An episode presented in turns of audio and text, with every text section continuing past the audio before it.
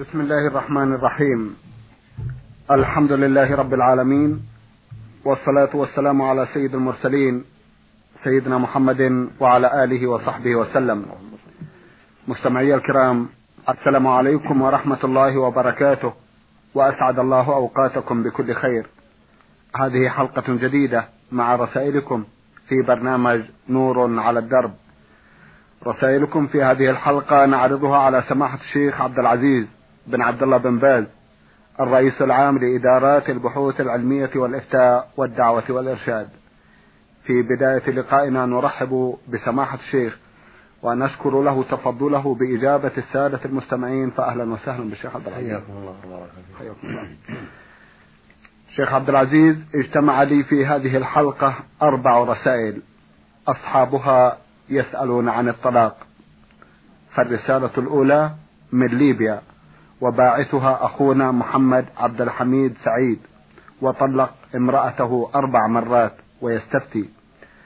أما الرسالة الثانية فمن بغداد حي الشعب. أخونا يقول إنه طلق ثلاث مرات ويستفتي أيضا. ثم الأخ شوقي ميلود من الجزائر يقول كتب كتابة ونصها إنها في غرضها. وهذه العبارة لديهم يقول إنها تعرف بالطلاق. أما أخونا صالح السيد الجرجاوي فيقول إنه طلق بالثلاث وبعثه مسجلا في شريط وحدد فترة الطلاق لمدة سنة. يستفتون عن هذه المواضيع في باب الطلاق. لو تكرمتم بسماحة بسم الله الرحمن الرحيم. الحمد لله رب العالمين والصلاة والسلام على عبده ورسوله وصفوته من خلقه وآمينه على وحي نبينا وإمامنا وسيدنا محمد بن عبد الله وعلى آله وأصحابه ومن سلك سبيله واهتدى بهداه إلى يوم الدين. أما بعد فإني أجيب إخواني السائلين عن هذه المسائل المتعلقة بالطلاق أن يراجعوا المفتي لديهم في بلادهم ويشرحوا له الواقع وفيما يراه إن شاء الله الكفاية أو إلى المحكمة التي تنظر في الأحوال الشخصية على هدى الإسلام حتى يفتوه في ذلك لأن المقام يحتاج إلى حضور الزوج وحضور المرأة المطلقة وحضور وليها وحضور من شهد الواقع قد يحتاج إلى هذا كله. فالقاضي أو المفتي ينظر في ذلك ويسأل الحاضرين يسأل الزوج ويسأل الزوجة عما لديها ويسأل الولي فقد يقول الزوج شيئا والحقيقة بخلافه. فالمقام يحتاج إلى عناية وإلى احتياط. فنصيحتي لهؤلاء السائلين أن يتصلوا بالمفتين عندهم ويشرحون ويشرحوا لهم الواقع والمفتي أو القاضي ينظر في الأمر. وإذا دعت الحاجة إلى أن يكتب إلي القاضي أو المفتي في شيء من ذلك للتفاهم معه في ما قد يشكل فليس عندي مانع من ذلك. بارك الله وهذا كله من باب التعاون على البر والتقوى والتناصح في الله عز وجل. جزاكم الله خيرا.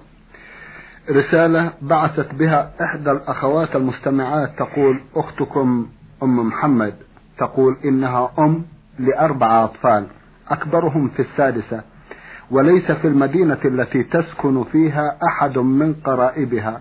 وتحتاج إلى مساعدة في شؤون المنزل وتفكر في استحضار خادمة وأمها تلح عليها في ذلك لكن لا ترتاح لظاهرة الخدم. ذلك أنها تخشى من خروج الخادمة إلى السوق وليس معها من يصونها. فتسأل هل نصون الخادمات كما نصون بناتنا وأخواتنا؟ ويجب علينا ذلك. وترجو التوجيه. نعم السلامة من جلب الخادمات أولى وأصلح وإذا قامت المرأة بما بما يلزمها في البيت واستعانت بالله عز وجل واستغنت عن الخادمات فذلك خير لها وأبعد عن الخطر. فقد تكون الخادمة ليست ذات دين فتضر البيت وأهله وتضر الزوج إذا كان في البيت زوج أو أخ للمرأة. أو غير ذلك من الرجال. فالحاصل أن السلام من الخادمات أولى وأحوط. فإذا دعت الحاجة إلى ذلك والضرورة فينبغي يختار من ذلك الخادمة الطيبة المسلمة وأن تلاحظ وتراقب حتى لا يقع ما يخالف أمر الله. وهكذا تمنع من الخروج إلا إذا كانت ممن يؤمن في ذلك وكان الخروج لحاجة كشراء حاجة من السوق. إذا كانت البلد آمنة والخروج لا خطر فيه. وإلا فليخرج معها ثانية أو ثالثة أو من هو مأمون حتى يكون معها إلى أن تقضي الحاجة وترجع. فالحاصل أن هذا المقام يحتاج إلى عناية وإلى خوف من الله ومراقبة وإلى بعد مما قد يفضي إلى الخطر الذي لا يرضاه الله سبحانه وتعالى. ومهما أمكنت السلامة من الخدم وأن تقوم المرأة بحاجات البيت وأن تستريح من الأخطار التي قد تنجم عن وجود الخادمة إما مع الزوج وإما مع رجال البيت وإما في الخارج عند خروجها للحاجات هذا خير للبيت وأهله. والله ولي التوفيق. جزاكم الله خيرا. إذا الاهتمام بشؤون الخادمة كالاهتمام بشؤون نساء البيت؟ حق حق عليهم نعم. بارك الله حق عليهم أن يهتموا بها نعم. جزاكم الله خيرا. إحدى الأخوات المستمعات تقول أم الحسن بعثت برسالة ضمنتها مجموعة من الأسئلة وفي هذه الحلقة تسأل وتقول يقول عليه الصلاة والسلام المرأة كلها عورة إلا يديها ووجهها في الصلاة أو كما جاء عنه صلى الله عليه وسلم. هل يعني هذا أنه يجب على المرأة تغطية حتى قدميها إذا كان لبسها ساتر ولا يظهر منها إلا القدمان هل يجب عليها تغطيتها أيضا بلبس جورب أو لا يجب ذلك؟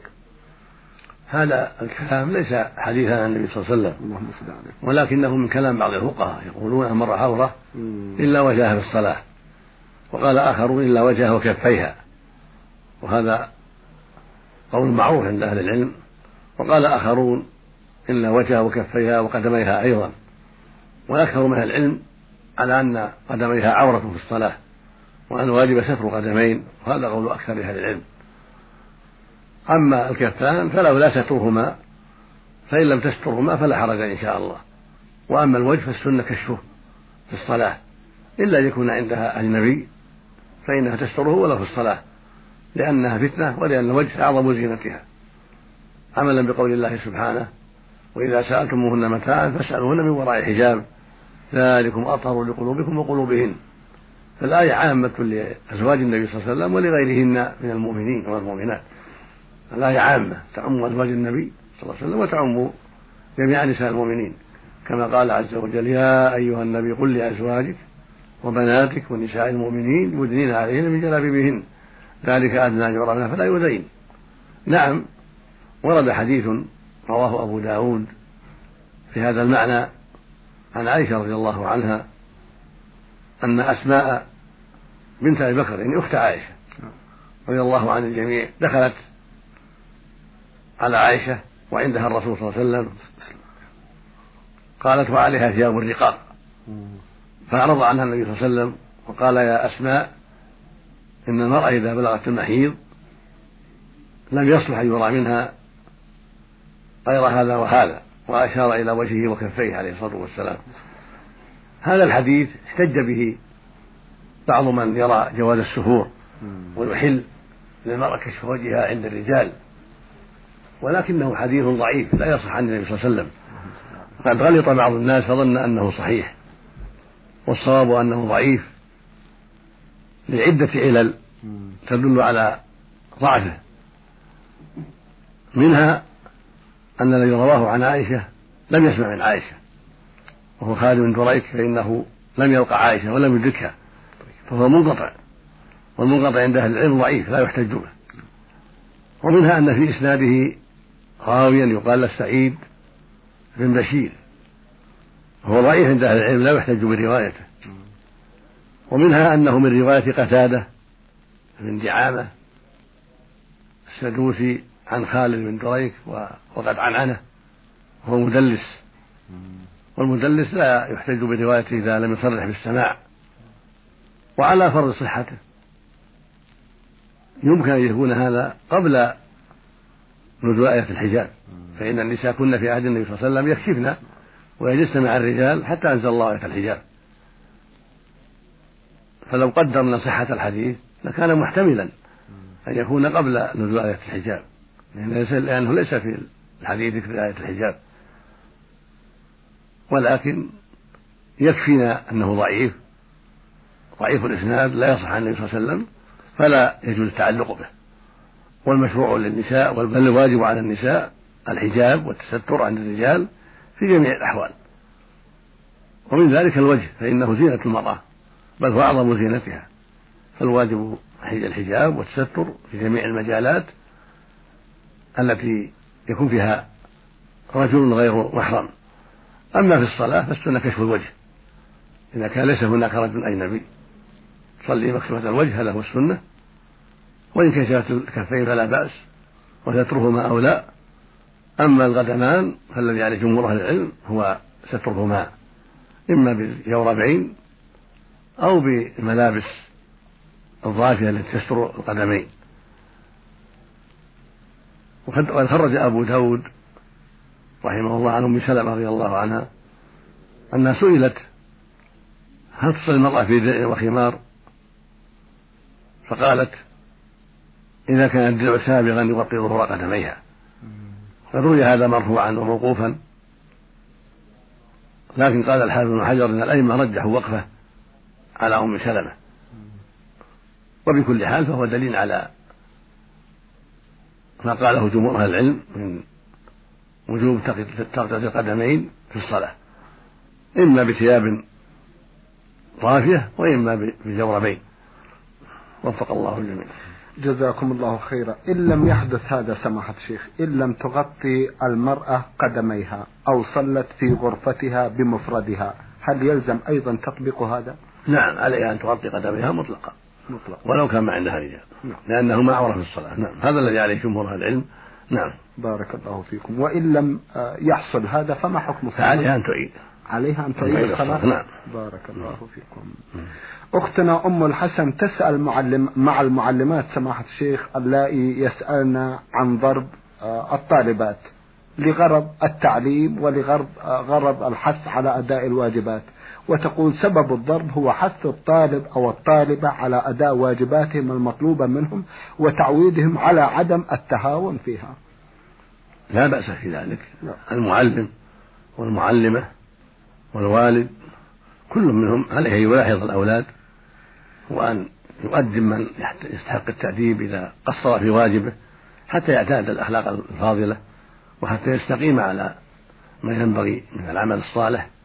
ولهذا ثبت عنه صلى الله عليه وسلم أنه قال مروا أولادكم بالصلاة للسبع واضربوهم عليها لعشر وفرقوا بينهم في المضاجع. فالولد الذكر يضرب وهكذا الأنثى تضرب إذا بلغ كل منهما العشر وقصر في الصلاة يؤدب حتى يستقيم على الصلاة. وهكذا الواجبات الأخرى في التعليم وفي شؤون البيت وفي غير ذلك.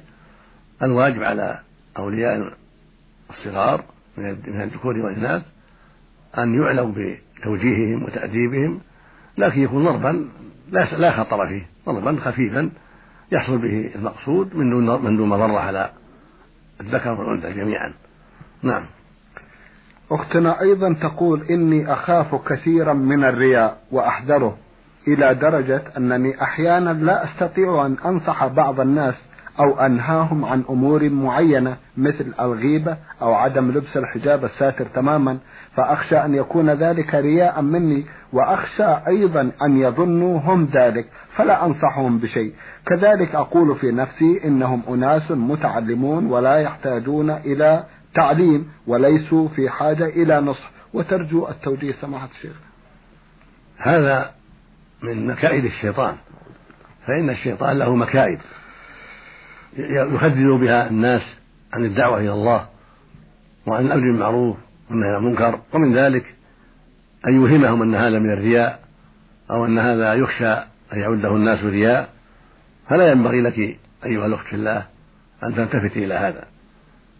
فالواجب أن تنصحي لإخوانك وأخواتك إذا رأيتم رأيت من أحد منهم تقصيرا في الواجب أو ارتكابا للمحرم كالغيبة والنميمة وعدم التستر عند الرجال الأجانب من جهة المرأة ونحو ذلك. ولا تخافي من الرياء. أخلصي لله واصدقي مع الله وأبشري بالخير. وتركي خداع الشيطان ووساوسه والله يعلم ما في قلبك من القصد والإخلاص لله سبحانه وتعالى والنصح لعباده. ولا شك أن الرياء شرك ولا يجوز لكن لا يجوز للمؤمن ولا للمؤمنة أن يدع ما أوجب الله. عليه من الدعوة والأمر بالمعروف والنهي عن المنكر خوفا من الرياء. بل عليه يحذر الرياء وعليه أن يقوم بالواجب من الدعوة إلى الله ومن الأمر بالمعروف والنهي عن المنكر في أوساط الرجال وأوساط الإناث. كل في حاجة الرجل في حاجة والمرأة في حاجة. نعم. كما أن الرجل يأمر بالمعروف وينهى عن المنكر فهكذا المرأة تأمر بالمعروف وتنهى عن المنكر. وقد بين الله ذلك في كتابه العظيم حيث قال سبحانه والمؤمنون والمؤمنات بعضهم أولياء بعض يأمر بالمعروف وينهون عن المنكر. ويقيمون الصلاة ويؤتون الزكاة ويطيعون الله ورسوله. أولئك سيرحمهم الله. إن الله عزيز حكيم. فهذا فيه الحث للجميع. وأن من واجبات الإيمان الأمر بالمعروف والنهي عن المنكر. في حق الجميع الرجال والنساء. نعم. الله فيكم. هنا رسالة باعثها أحد الإخوة يقول أبو معاوية من السودان. أخونا يسأل سؤالين. في سؤاله الأول يقول أرجو أن تفيدونا عن مسألة الشلوغ وهي علامة تعمل بالموسى على الوجه تمييزا عن كل قبيلة من الأخرى. هل هي حلال أم حرام؟ هذا يسمى في لغة العرب الوشم. وهذا الوشم نهى عنه النبي صلى الله عليه وسلم ولعن من فعله. الرسول صلى الله عليه وسلم لعن آكل الربا ولعن موكله ولعن الواشمة ولعن المستوشمة سواء كان في الوجه أو في اليد أو في مكان آخر. فلا يجوز الوشم لأنه تغيير لخلق الله. فلا يجوز للمؤمن ولا للمؤمنة تعاطي ذلك. أما مضى أما ما مضى مع الجهل فالتوبة تكفي والحمد لله. أما المستقبل بعدما يعلم بعدما علم الإنسان حكم الله فالواجب عليه الحذر مما حرم الله وهذا يعم الرجال والنساء. نعم. أخونا يقول يلاحظ أن بعضا من المسلمين يشاركون المسيحيين في عيد الميلاد أو الكريسماس كما يسمونه ويرجو التوجيه. لا يجوز للمسلم ولا للمسلمة مشاركة النصارى أو اليهود أو غيرهم من الكفرة في أعيادهم. بل يجب ترك ذلك لأن من شبه بقوم فهو منهم. والرسول صلى الله عليه وسلم حذرنا من مشابهتهم التخلق بأخلاقهم؟ فعلى المؤمن وعلى المؤمنة الحذر من ذلك وألا يساعد في إقامة هذه الأعياد بأي شيء. لأنها أعياد مخالفة لشرع الله ويقيمها أعداء الله فلا يجوز الاشتراك فيها ولا التعاون مع أهلها ولا مساعدتهم بأي شيء لا بالشاي ولا بالقهوة ولا بأي شيء من الأمور كالأواني ونحوها. وأيضا يقول الله سبحانه وتعاونوا على البر والتقوى. ولا تعاونوا على الإثم والعدوان. فالمشاركة مع الكفرة في أعيادهم نوع من التعاون على الإثم والعدوان. فالواجب على كل مسلم وعلى كل مسلمة ترك ذلك. ولا ينبغي للعاقل أن يغتر بالناس في أفعالهم. الواجب أن ينظر في الشرع الإسلامي وما جاء به وأن يمتثل أمر الله ورسوله وألا ينظر إلى أمور الناس. فإن أكثر الخلق لا يبالي بما شرع الله كما قال الله عز وجل في كتابه العظيم وإن تطع أكثر من في الأرض يضلوك عن سبيل الله. قال سبحانه وما أكثر الناس ولو حرصت بالمؤمنين. فالعوائد المخالفة للشرع لا يجوز الأخذ بها وإن فعلها الناس. والمؤمن يزن أفعاله وأقواله ويزن أفعال الناس وأقوال الناس بالكتاب والسنة بكتاب الله وسنة رسوله عليه الصلاة والسلام. فما وافقهما أو أحدهما فهو المقبول وإن تركه الناس وما خالفهما أو أحدهما فهو المردود وإن فعله الناس. رزق الله الجميع التوفيق والهداية. جزاكم الله خيرا. هنا رسالة وصلت إلى البرنامج من البحرين المحرق باعثتها إحدى الأخوات. من هناك تقول شين ميم عين. دولة البحرين. أختنا تسأل مجموعة من الأسئلة في سؤالها الأول. تقول إنها قامت بأداء فريضة الحج. وكانت تترك مع الفوج منى عند منتصف الليل. وقال لنا المسؤولين عن الفوج إن ذلك يجزئ عن البيات فهل حجها صحيح؟ عين. تقول إنها حجت وكانت تترك منى حوالي منتصف الليل. وقال المسؤول عن الفوج إن ذلك يجزئ عن البيات. وتسأل هل حجها صحيح أو لا؟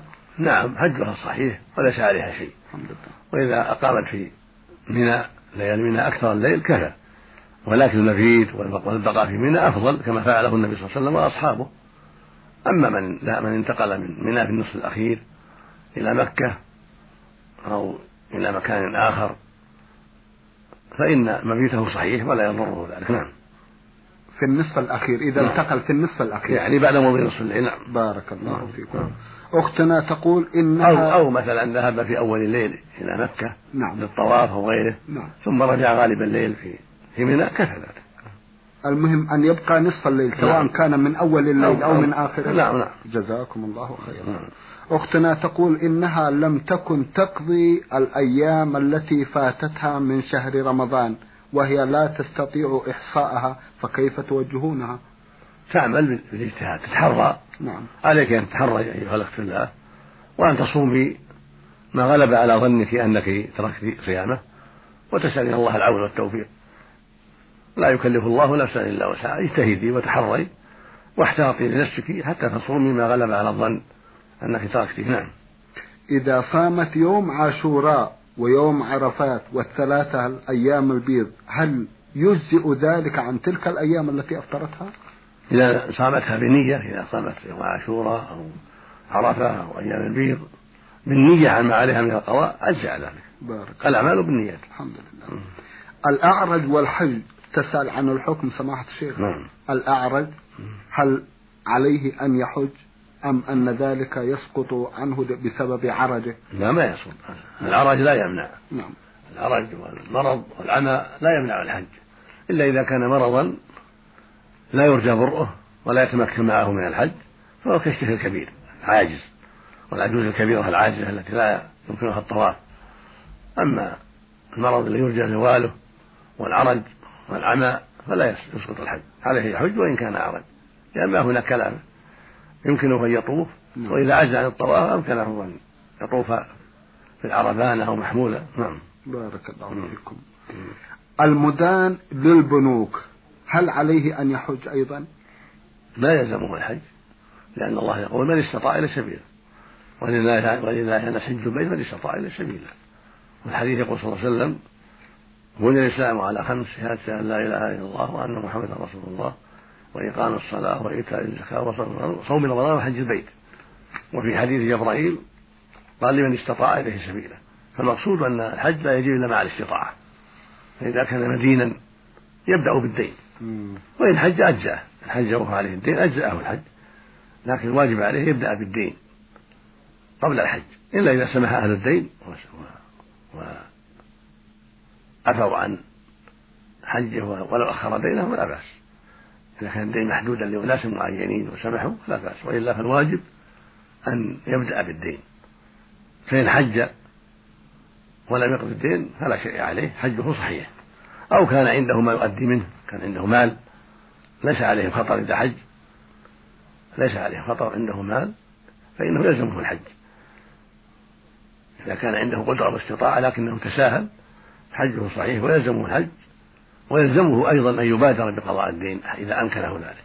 أما إذا كانوا غائبين أو لم يعرفهم أو ما أشبه ذلك مما يمنعه من قضاء الدين فيحج ومتى أدركهم ومتى قدر عليهم أعطاهم حقوقهم.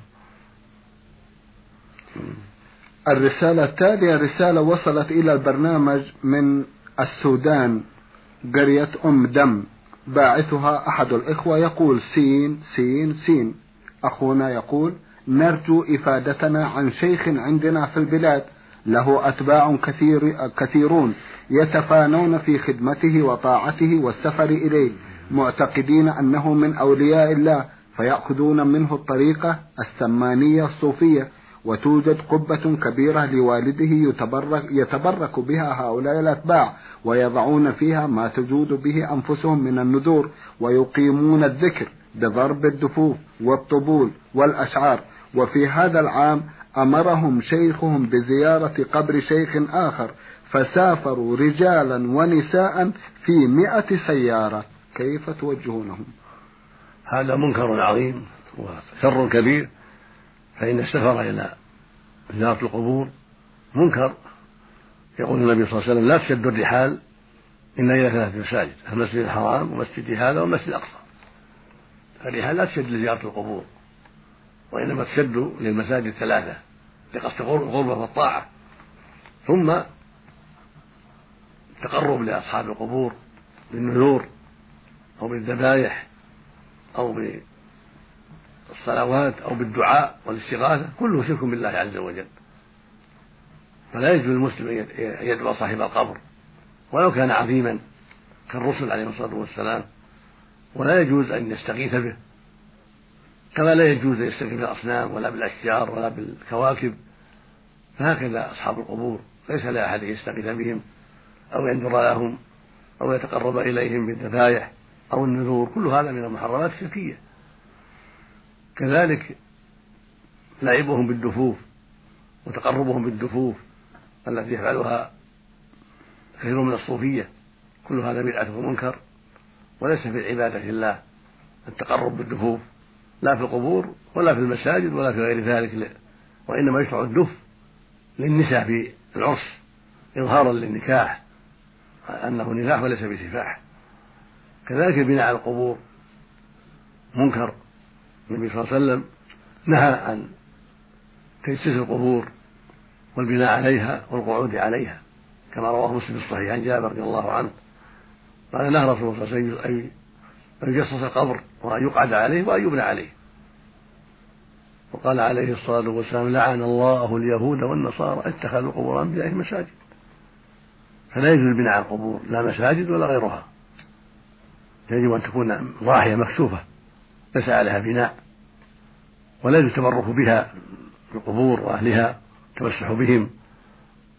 كما لا يجوز دعاءهم والاستغاثة بهم والنذر لهم والذبح لهم كل هذا من عمل الجاهلية. فالواجب على أهل الإسلام الحذر من ذلك والواجب على أهل العلم أن ينصحوا هذا الشيخ وأن يعلموه أنه في عمل باطل وأنه منكر وأن حثه للناس وترغيبه للناس في دعوة الأموات والاستغاثة بالأموات أن هذا هو الشرك الأكبر نعوذ بالله. ويجب على المسلمين أن لا يقلدوه وأن لا يتبعوه وأن لا يغتروا به. فالعبادة حق الله وحده هو الذي يدعى ويرجى. كما قال سبحانه فلا تدعوا مع الله أحدا. قال سبحانه ومن يدعو مع الله إلها آخر لا برهان له به فإنما حسابه عند ربه إنه لا يفلح الكافرون. سماهم كفر في دعوتهم غير الله من الجن والملائكة والأنبياء وأصحاب القبور أو الكواكب أو الأصنام كل هذه دعوتها مع الله شرك أكبر.